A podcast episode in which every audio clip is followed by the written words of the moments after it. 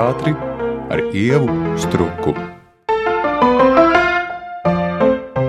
Raidījumā Šņurbēniņa šodien mana viesņa patiesībā ir arī mana kolēģe Nacionālajā teātrī, aktrise Daiga Kažociņa. Sveika, Daiga! Sveika, Ieva! Un tomēr, kaut arī es piesaucu Nacionālo teātri, es gribu sākt ar pavisam citu darbu. Proti, ar ģērbtrūdas ielas teātra izrādi, ko iestudēja Martelīna Martinsona Stiklotā svētnīca. Zinātājiem varētu uzreiz būt skaidrs, ka tur ir kaut kāda līdzība vai analoģija ar Tennessee Viljams lugu stikla zvērnīca. Tādēļ es nolēmu vispirms tev pajautāt nevis par tavu lomu, bet par uh, šīm vārdu spēlēm, kas pēdējos gados itin bieži parādās teātris izrāžu nosaukumos. Tātad Vēseļu utenis, sidraba šķidrums un tam līdzīgi. Šeit stiklotā svētnīca. Kā tev šķiet, vai tas iedod tādu papildu skatu punktu, kā skatītājiem vērot šo konkrēto darbu, ņemot vērā, teiksim, iedvesmas avotu, no kā šis nosaukums nācis, Jeb tā ir tāda nu, šī laika humora izjūta teātris māksliniekiem, kas parāda, ka jebkurš šāds izteiksmīgs nosaukums, it sevišķi tas ir tāds klasisks un jau mums apziņā iesēdies, ka tas ir apspēlējams, vai varbūt ir vēl kāds trešais variants. Tādu tiešu tulkojumu izrādes nosaukumam mēs neesam pārunājuši, bet man, protams, ir savs lasījums šim nosaukumam, un tas varētu būt eh, cieši saistīts ar to, ka mēs gan uh, izrādes laikā pārkāpjam saucamo ceturto sienu, bet tajā pat laikā stiklotā svētnīca, katru vārdu varētu šifrēt atsevišķi stiklotā. Tas ir tā kā mēs caurredzami analizējam gan Viljamsa lūgu, gan um, tādas arhetipiskas, psiholoģiskas problēmas, mūsdienu problēmas cilvēku attiecībās. Un svētnīca nu, manuprāt, varētu būt saistīts ar to, ka stāsts ir arī par teātri, par aktieriem, par izrādes sagatavošanas darbu, kā tajā aktieri jūtās sadarbībā ar režisoru, kontaktā viens ar otru, un beig beigās kā aktieri, aktieris atverās kā cilvēks savā intīmajā pasaulē izrādes iestudēšanas uh, laikā. Nu, tā es to salieku kopā, ka mēs tā caur pastarpinājumu, kas varētu būt šis caurspīdīgais stikls, analizējam un pētām Viljamsā lugā ietvertās problēmas, kuras ļoti cieši sasaucās ar tādām laikmetīgām mūsdienu cilvēka problēmām. Bet tad, kad notiek šāda nosaukuma apspēle, un ja tu esi nevis dalībnieks, bet skatītājs, tev ir svarīgi, ka tu zini, ar ko ir šī analoģija, ar kuru darbu, ja tomēr tu uztver to kā suverēnu mākslas darbu. Nu, šajā gadījumā noteikti kā suverēnu mākslas darbu, jo Jāsaka, gan ka kādā no kritikām izrādes uh, Lūgas autors uh, tika minēts Viljams, bet tas tā nav. Lūgas autors ir divas Anete Konste un Marta Elīna Martinsone, kas, protams, savā ziņā priecē, jo acīm redzot uh, stikla zvērnīcā ietvertās problēmas tik cieši ir mm, autors saudušas ar savas lugas problemātiku, ka tur iespējami nojūka autori un nojūka robežas, kas, protams, ļoti labi. Nu, manuprāt. Mm -hmm. Bet, respektīvi, ir jārēķinās, ka šis būs tomēr uh, suverēns mākslas darbs. Nu, Bet ar atsauci uz Viljamsu. Jā, noteikti ir atsauci uz Viljamsu, un turklāt uh, izrādes laikā tiek iestudēta izrāde. Tas, laikam, žanrs saucās teātris teātrī, un mēs izspēlējam Viljamsa lugas fragmentus. Nu, tālāk jau vairs uh, neko neteikšu, jānāk un jāskatās, bet uh, jā, šis ir suverēns mākslas darbs. Bet cik lielā mērā šī atklātība ir īsta uz skatuves, tad, kad tu stāsti jebkuru momentu no savas privātās pieredzes? Es spēlēju aktrisi. Līdz ar to, protams, tur ir tāda bīstama robeža. Teiksim, ironizējot nedaudz, to mēs arī darām par savu profesiju, mazliet par iekšējo komunikāciju, savstarpējām attiecībām, izrādes iestudēšanas laikā. Uh, nu, es jūtos tā bīstami pārkāpt kādas robežas. Varbūt es pat reizēm par dažādiem procesiem domāju skaudrāk, bet nu, šeit es ar pietāti tomēr pret savu profesiju, pret savu teātrī. Zināmas lietas tomēr paliek aizskatrā. Jo tos vairāk no pavisam cita aspekta. Man tas vienmēr ir licies sarežģīti izmantot šādus biogrāfiskus motīvus, faktiski viena iemesla dēļ. Tādēļ, ka izrādes tiek spēlētas vairāk nekā vienu reizi. Tas nav teiksim, tikšanās vakars ar skatītājiem, kur tu pēkšņā atklātības uzplūdā var izstāstīt nu, visticamāk ļoti daudz. Tas atkarīgs no atmosfēras, vēl no kaut kā. Bet tajā brīdī, kad tev šī izrāde ir jāspēlē nezinu, trīs reizes nedēļā un divus gadus, jebkuri tie biogrāfiskie motīvi pārvēršas par eh, dramaturgijas daļu. Dzīve iet uz priekšu, un dzīve mainās, un mainās arī tā tava teiksim, vai situācija vai attieksme. Un, un man liekas, ka tas ir tas sarežģītais. Tādēļ es domāju, teiksim, cik šādā izrādē, kas apspēlē teātris aizkulises, vai būtību, vai attiecības, vai procesu, un kurā viena no tēmām ir par mamām un bērniem, vai par mātēm un pieaugušiem bērniem, kas šeit lugā ir cik tas ir nu, grūti aktierim atklāties. Nu, man nav viegli, bet jāsaka, ka šajā gadījumā Lūga nav tapusi mūsu sarunu rezultātā. Lūga jau ir gatavs, bija gatavs materiāls, uz ko mēs balstāmies, un, un to arī mēs mēģinām radīt, uzvest uz skatuves. Līdz ar to šajā konkrētajā gadījumā mums nebija tāda īpašā dalīšanās ar viņu saviem privātajiem vērojumiem vai notikumiem. Lai gan, protams, kā viena tā otra dramaturgi ir nedaudz strādājusi teātrī, līdz ar to nu, viņam tās teātras aizkulises ir diezgan pazīstamas. Līdz ar to viņas tā veiksmīgi ir to iekļaujušas lugā, es teiktu, asprātīgi, ar cieņu un mīlot teātri nu, tā kā mēs tuvojamies Nacionālajiem teātrim mūsu sarunā, tad uh, faktiski šis jautājums ir tiešām jautājums ar bārdu, kā dažreiz mēdz teikt.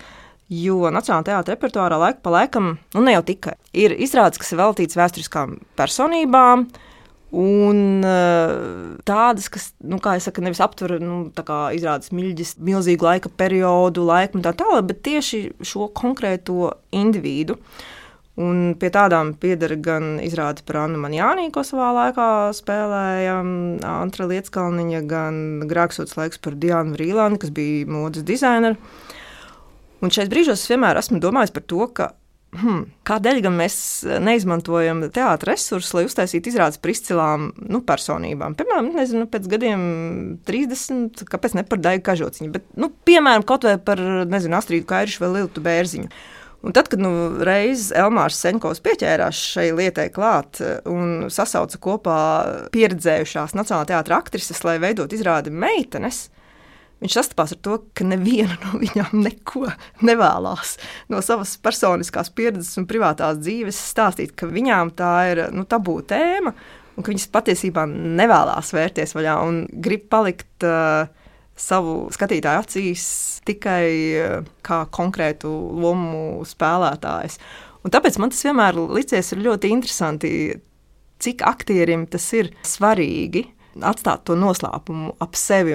Tas nav nejauši, ka es tev atļaujos šādu jautājumu uzdot, jo principā tu arī neizmētā sevi pa desmitiem intervijām, seriāliem un ļoti domā, ko tu dari un kāpēc tu to dari. Bet kāda ir tava sajūta? Cik tev tas ir svarīgi un cik tev. Cik tev pašai varbūt atkal savukārt no malas ir interesanti, ka kāda cita varbūt eh, no skatuves runātu par tām savām personiskajām pārdomām un peripētijām? Nu, mēģināšu atbildēt eh, gan vispārīgi, gan konkrēti par sevi. Es domāju, ka nu, tas, protams, atkarīgs no aktieru personības, bet šī profesija ir eh, pati par sevi tik publiska, ka ir, nu, manuprāt, diezgan dabiski, ja cilvēks grib kādu daļu savas privātās, personīgās dzīves paturēt tikai sev, paslēpt uh, un tajā dzīvot brīvi un atraisīti, nedarot to citiem zinām. Kas attiecas uz mani, tad hmm, man reiz viesturs Kairišs teica, ka tu sniedz intervijas runāt tā, lai neko nepateiktu. kas man likās diezgan precīzi, ironiski un arī jautri. Man vienkārši ļoti gribās to savu dzīves daļu, dzīvot kā vienkārši cilvēkam, iejukt pūlī. Es pat par to nekad nedomāju, vai uz mani skatās kā uz publisku personu. Un man tas ir ļoti, ļoti svarīgi. Man ir svarīga šī cilvēciskā dzīves daļa starp visiem nemanītai, nepamanītai.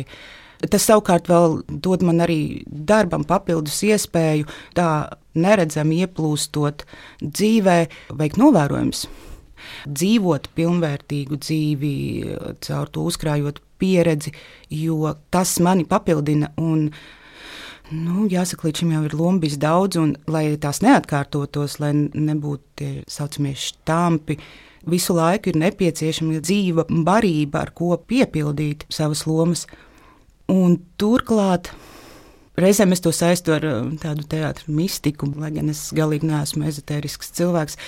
Man ir bijis diezgan daudz dažādas lomas, un tajā pat laikā tajos tēlos ir bijis diezgan daudz arī no manis. Un līdz ar to nu, tas jau arī ir tas mans veids, kā es kaut kādā mērā kaut ko pasaku arī par sevi. Nu, piemēram, Patricija Haismita. Man ir liels prieks, ka man ir šāda iespēja spēlēt šo slaveno rakstnieci, turklāt bez vārdiem, kas ir vēl brīnišķīgāk. Man nebija pārāk daudz materiāla par viņu, viena diezgan gara izvērstā, jāsaka, arī personiska intervija ar viņu, ko es noskatījos, viņas grāmatas, filmas, kas ir veidotas pēc viņas darbiem. Man nebija grūti šajā jau mūsu režisoru kopā radītajā tēlā atrast uh, saskarsmes punktus ar sevi. Es pat teiktu, vairāk tādā dzīves redzējumā, tajā, kā autore skatās uz dzīvi, uz cilvēkiem, viņas attieksmē pret dzīvi un pret cilvēkiem. Savā ziņā tiek teikts, ka Haismits ir bijis zināmā mērā mizantrops. nu, iespējams, es arī zināmā mērā, zināmās devās, es ceru, ka adekvāti. Jo Nu, jā, šī autora laikam ir izvēlējusies vairāk skatīties cilvēka mm, demoniskajām šķautnēm, nu, tā nevienkāršoti, neviennozīmīgi tverot uh, cilvēku, cilvēkus apkārt mums ir tomēr jāpasaka īsāds nosaukums. Mēs runājam par uh, svešnieki vilcienā, par uh, Vladislavu Nastavševa izrādi, kas ir iestudēta Nacionālā teātra jaunajā zālē. Pašā Haismita romānā Svešnieku vilcienā nedarbojas tēls Haismita. Nav tāda tēla. Un tomēr režisors to izvēlējās kā atslēgu, kā ar autora klātbūtni attaisnot tās daudzās pietiekami nežēlīgās un traģiskās lietas un amorālās lietas, kuras jau šajā darbā ir uh, ierakstītas no autors puses. Vienlaikus, kādēļ man arī pašai gribētos ļoti pakavēties pie šī darba, ir uh, tā izturētā un ļoti spilgtā teātrālā izteiksme. Tas nemaz nav tik bieži sastopams uz Latvijas teātra skatuves, jo Jo tā spilgtā spēle nevienmēr ir uh, mums pieejama un skatītājiem pieņemama. Un tās, man liekas, arī ir divas interesantas lietas, ka tas, ka aktieri dažkārt izrādēs pēc režisora ieceres spēju ļoti spilgti, ekscentriski spēlēt, tas nevienmēr tiek akceptēts pie publikas. Un tādēļ šādas izrādes, kur tas ir organiski izturēts un attaisnots, man liekas, ka ir tāda patiesībā liela vērtība. Un tad mēs varam piesaukt spāņu naktas viesus, kas bija atbraukuši no ārvalstīm un kuri šo izrādi atzina par vienu no spilgtākajiem darbiem, pat nevis tādā Latvijas kontekstā, ko viņi būtu redzējuši, bet pat savas personiskās, konkrētās skatītāja pieredzes un teātris zinātnieka pieredzes kontekstā, un par to tāds milzīgs prieks. Bet atgriežoties konkrēti pie izrādes Kā tev šķiet, cik um, ekscentriska izteiksme ir uh, tāda, kas palīdz, paspilgtina vai nezinu, aizmiglo mums skatienu, ka mēs nu, noticam, ka tieši tāda un tieši tā viņa varēja rīkoties un domāt, jo tā arī mazliet jāpasaka priekšā, ka daži teksti jau tomēr viņai ir, bet uh, tādā bezmaz trešajā personā. Nu, jebkurā gadījumā man liekas, jāpaturprātā viena lieta, kā pat, ja mēs vēl atgriežoties pie tā, cik viegli vai grūti ir aktierim stāstīt par sevi. Pat ja es stāstītu par sevi, vai, teiksim, intervijā Haismits stāstīja par sevi, vai par viņu pēc tam jau tālāk ir, balstoties uz biogrāfiskiem faktiem, rakstīts esejas, kādi citi pētnieciski darbi, tas vienmēr būs interpretācijas. Nu, sākot ar mums pašiem, Mēs nevaram sevi redzēt no malas tik precīzi, lai mēs nodotu tādu pilnīgu, precīzu informāciju par sevi un savu dzīvi. Es neesmu redzējis šo izrādi no malas, un es uh, nezinu, cik īsti spilgti vai mazāk spilgti vai groteski es spēlēju šo lomu. Bet tas, ar kādu atslēgu es slēdzu šo lomu, ir kā reiz manis kā aktiera saprašana par to, ka jebkurš materiāls par Haismitu nepietuvina ļoti tuvu autors būtībai. Un es to spēlēju caur ironiju, pār interpretāciju. Būtībā tā mana atslēga ir nu, mēģināt iedomāties, iztēloties, kā pati Haismita spēlētu sevi caur šo savu un citu interpretāciju. Un līdz ar to tajā visā ir nu, varbūt tas spilgtums un tā groteskā spēles maniera rodas tieši nu, tās ironizēšanas, to interpretāciju kariķēšanas. Jā, tā tas iespējams rodas. Tādā tiešā tekstā nav bijis no režisora tāds uzstādījums, ka mēs tagad spēlējam spilgti un groteski. Bet, jā, acīm redzot, nu man caur šo sarežģīto funkciju ar to ironiju par um, interpretāciju iespējams rodas tas spilgtums tādā veidā.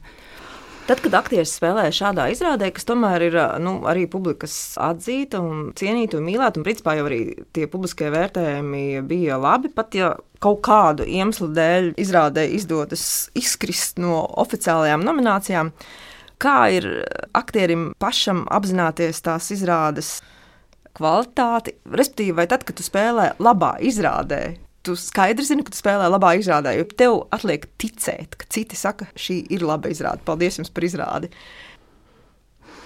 Šī ir no vienīgā. Jā, es mēģināšu sakārtot savus domas tūlīt. Nu, kad man ir laba izrāde?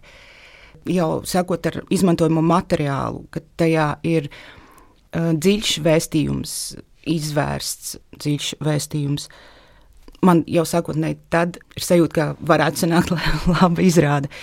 Šajā konkrētajā gadījumā, svešinieku vilcienā, tas bija tik ļoti mums ansamblim kopā radošs process ar atdevi no visiem procesa radīšanas dalībniekiem.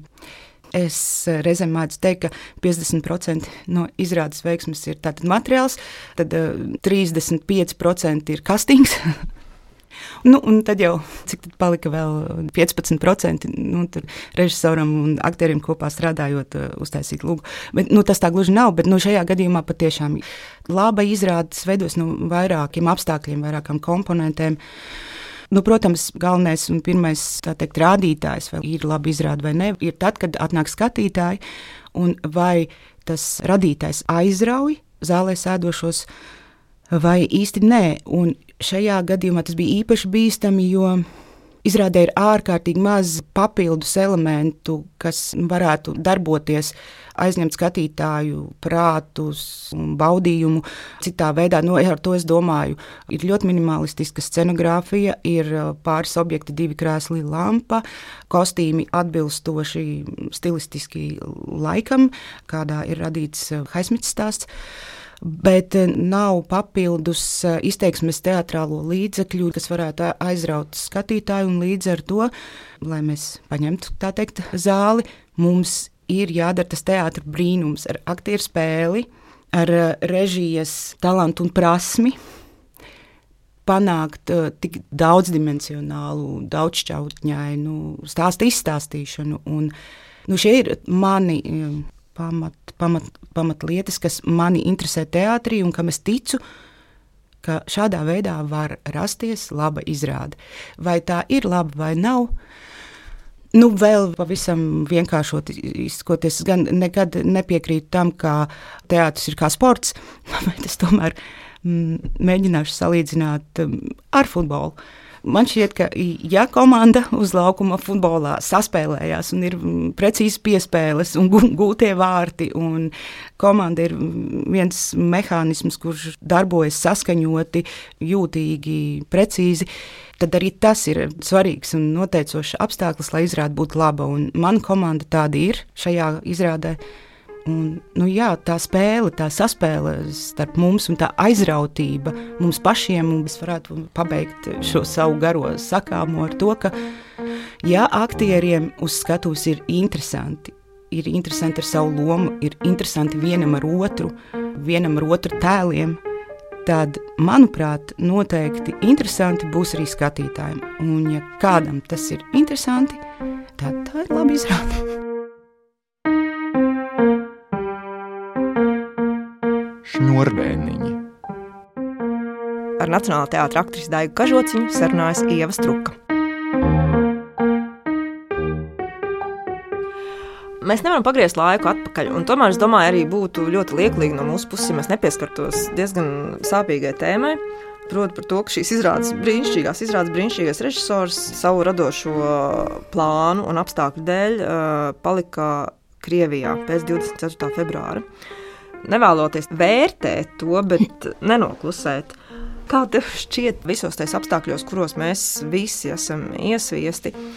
Cik lielā mērā mēs varam ticēt šim pieņēmumam, ka nu, mākslai savos labākajos paraugos ir tik ārprātīgi attāls sakars ar morāli un moralizēšanu. Un, Un kādēļ es atļaujos arī minēt uh, šo jēdzienu? Proti, tādēļ, ka izrāde bija tikko iznākusi, neviens ne par kādu karu nerunāja.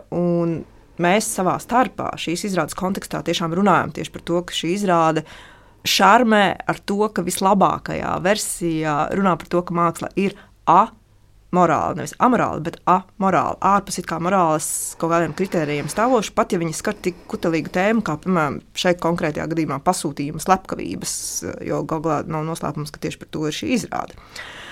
Jā, kā rīkoties tajā brīdī, kad mēs pēkšņi nu, esam spiesti no šiem kritērijiem atkāpties un teikt, nē, morāli ir tieši tikpat līdzās pastāvoša un svarīga, vai tam ir ielikās noilgums, vai vienkārši jāļauj notikumiem pašiem plūst. Kā nenoklusēt? Jo man liekas, ka visbriesmīgākais tiešām ir uh, klusēt, uh, jo tad mēs ar ko daudz neatšķiramies ar nezinu, no Maskavas dēls teātra, kas noņem Kirillas Rebrņikova uzvārdu savām izrādēm nost. Un, un tā ir otra galība, kurā es nenovēlētu nevienam Latvijas kultūra telpā nonākt. Bet, uh, jā, kā aizsūtīt ar šī raidījuma palīdzību sveicienus Vladislavam Nostāvšamam un teikt, ka žēl, ka tā, bet viņš ir brīnišķīgs mākslinieks. Karš ir šausmas. Tā sērga ir iesūkusies mūsos visos. Pie mums nekrīt vēl bumbas, bet mēs jau karojam viens ar otru. Un viena lieta, ārprātīga, nežēlīga, traģiska, ir tad, kad Mēs ievainojam cilvēkus kara laukā, mēs viņus nogalinām, bet reizēm man šķiet, ir vērts padomāt arī par to, kā mēs ar vārdiem, ar, um, ar savu attieksmi, ar, um, ar kategorismu, kā mēs varam ievainot ļoti dziļi cilvēkus, kas mums ir apkārt starp mums, un kā mēs varbūt um, varam iznīcināt kādu, piemēram, mākslinieku. Es domāju, ka par to ir vērts sarunāties un par to ir vērts domāt. Es nevienā mirklī nesalīdzinu šīs situācijas. Manuprāt, manis teiktajā jau bija skaidrs, ka es nodalu reālu, realistisku karu no viedokļu, ideoloģiju kara. Nākamā lieta, ko es gribētu teikt, ir nu, māksliniekam ir jābūt visur. Viņam tas nav obligāti, protams, ir vienmēr izvēle katram cilvēkam, un tostarp arī katram māksliniekam. Ir jāpieredz dzīve, un, diemžēl, ja tas ir karš, tad arī tas, lai par to pēc tam varētu reflektēt, adekvāti runāt mākslinieks nav teorētiķis. Viņš ir savā ziņā praktiķis, ar ko ir arī ļoti cieši saistīts emocionālais pārdzīvojums, jutekliskais piedzīvotais. Es nesaku, ka teātris vienmēr atspoguļo dzīvi un ka tam tā vajadzētu būt. Bet um, nu, katrā ziņā māksliniekam ir jābūt piepildītam ar dzīves notikumiem un dzīves norisēm. Un, un vēl tajā pat laikā personīgi es ļoti cienu noturīgu izpratni, individuālu mākslinieku izpratni par to, ka es esmu mākslinieks, es karoju ar citiem ieročiem, un es daru to, kas man ir jādara, jebkuros apstākļos. Es radu. es radu savas izrādes, es radu savas lomas. Nepakaļaujoties nekādam ideoloģiskam spiedienam. Jā, protams, tā ir ārkārtīgi smaga un nežēlīga mm, saruna pašam ar sevi, māksliniekam. Sarežģītā kontekstā atrodoties, veikt izvēles, un, un tā ir ļoti smaga saruna ar sevi, kā es tajā jūtos, kā es dzīvošu tālāk ar, ar savām izvēlēm. Un tā no malas spriest ir ārkārtīgi vienkārši. Patiesībā es kļūdos tā sakot, tas arī dzen nav vienkārši, bet šī palikšana vientulībā pašam ar sevi un saruna par to, ko katrs mēs dziļi sevī domājam, par notikumiem un par savām izvēlēm, ir arī dzen, ļoti, ļoti smaga cīņa. Un par to es lūgtu aizdomāties visus par sevi, arī par citiem, par kuriem mēs izdarām spriedumus, izsakām apgalvojumus ka nevienam šobrīd uh, mums nav viegli. Mēs neviens arī dzen, nu, personīgi es nezinu, kur atrodas kāds cilvēks šobrīd, vai kāds mākslinieks, vai neatrodas. Vladislavs Nastāševs ir brīnišķīgs režisors. Man ar viņu ir bijusi lieliska mākslinieca sadarbība, ja reizēm par ko jau ir tik daudz uh, kustītas mēlis, iespējams, reizēm sarežģīts cilvēks un neviennozīmīgs un neviegls cilvēks komunikācijā, bet mākslas darbs viņš ir radījis brīnišķīgus. Un um, man sadarbība ar šo cilvēku ir bijusi tik atbilstoša manai izpratnē par to, kā rodas izrādes Un līdz ar to es uh, turpinu cienīt šo mākslinieku, novērtēt, un man ļoti skumji, kā šī mūsu sadarbība ir pārtrūkusi. Nevar zināt, vai tā jebkad atjaunosies, vai kad atjaunosies. Protams, institucionalizētos teātros strādājot, ir ļoti svarīgi, kā mēs zinām, plāni divām sezonām priekšu. Mums imponē režisori, cilvēki, mākslinieki, kuri skaidri redz uh, savu izrādi jau divus gadus uz priekšu, uh, zina, kas tajā notiks. Varbūt es pārāk robusti šobrīd izsakos, bet, nu, teiksim, lielos vilcienos. Bet, strādājot ar Vladu, ir vienmēr tā sajūta, ka mēs sākam kopā uz skatuves dēļiem no nezināmā. Un es katru reizi ar viņu kopā strādājot, piedzīvoju radošu procesu, rašanās, uzburšanās procesu. Un tajā brīdī es kļūstu uh, līdzautorīga ar viņu. Es neesmu izpildītājs, es esmu radošs cilvēks kopā ar režisoru. Un es tomēr domāju, ka lielu tiesu lielākajai daļai aktieru tieši tas ir tas, kas iedvesmo. Un, lai mēs nepaliktu tikai pie politiskās situācijas, kas ir tas, ko tev izdodas un ko tu gribi, vai vismaz ko tu mēģini un gribētu, lai tev izdodas. Tad, kad tu strādā kā režisors, jo tomēr arī šāda ir tava pieredze, un tas ļautu mums noslēgt šo sarunu. Es pat zinu atbildi. Un vēl tomēr pieminot Vladu, strādājot ar viņu kopā, es mācījos arī, kā veidot izrādi kā režisoram. Uh, Un man vienmēr fascinējis tas, ka ir kaut kāda maza vienkārša lieta, viens maziņš gājiens vai viens mazs objekts, kas pēkšņi rada veselu pasauli tavā acu priekšā, ar ļoti vienkāršām lietām. Vienkārši ātru, asu, domas gājienu, redzējumu. Es pilnvērtīgi pat nevaru izteikties šobrīd. Uh, par to, ko es tā kā īsti sajūtu, saprotu un esmu ieraudzījusi, strādājot kopā ar Vladu. Bet tas ir tas, ko es gribētu panākt, kā ar ļoti vienkāršām lietām, elementiem, domu, vienkārši tīru un skaidru domu, var vienā mirklī uzburties milzīga pasaule. Jā, tas ir tas, ko es gribētu iemācīties, un tas, kā es arī to gribētu darīt.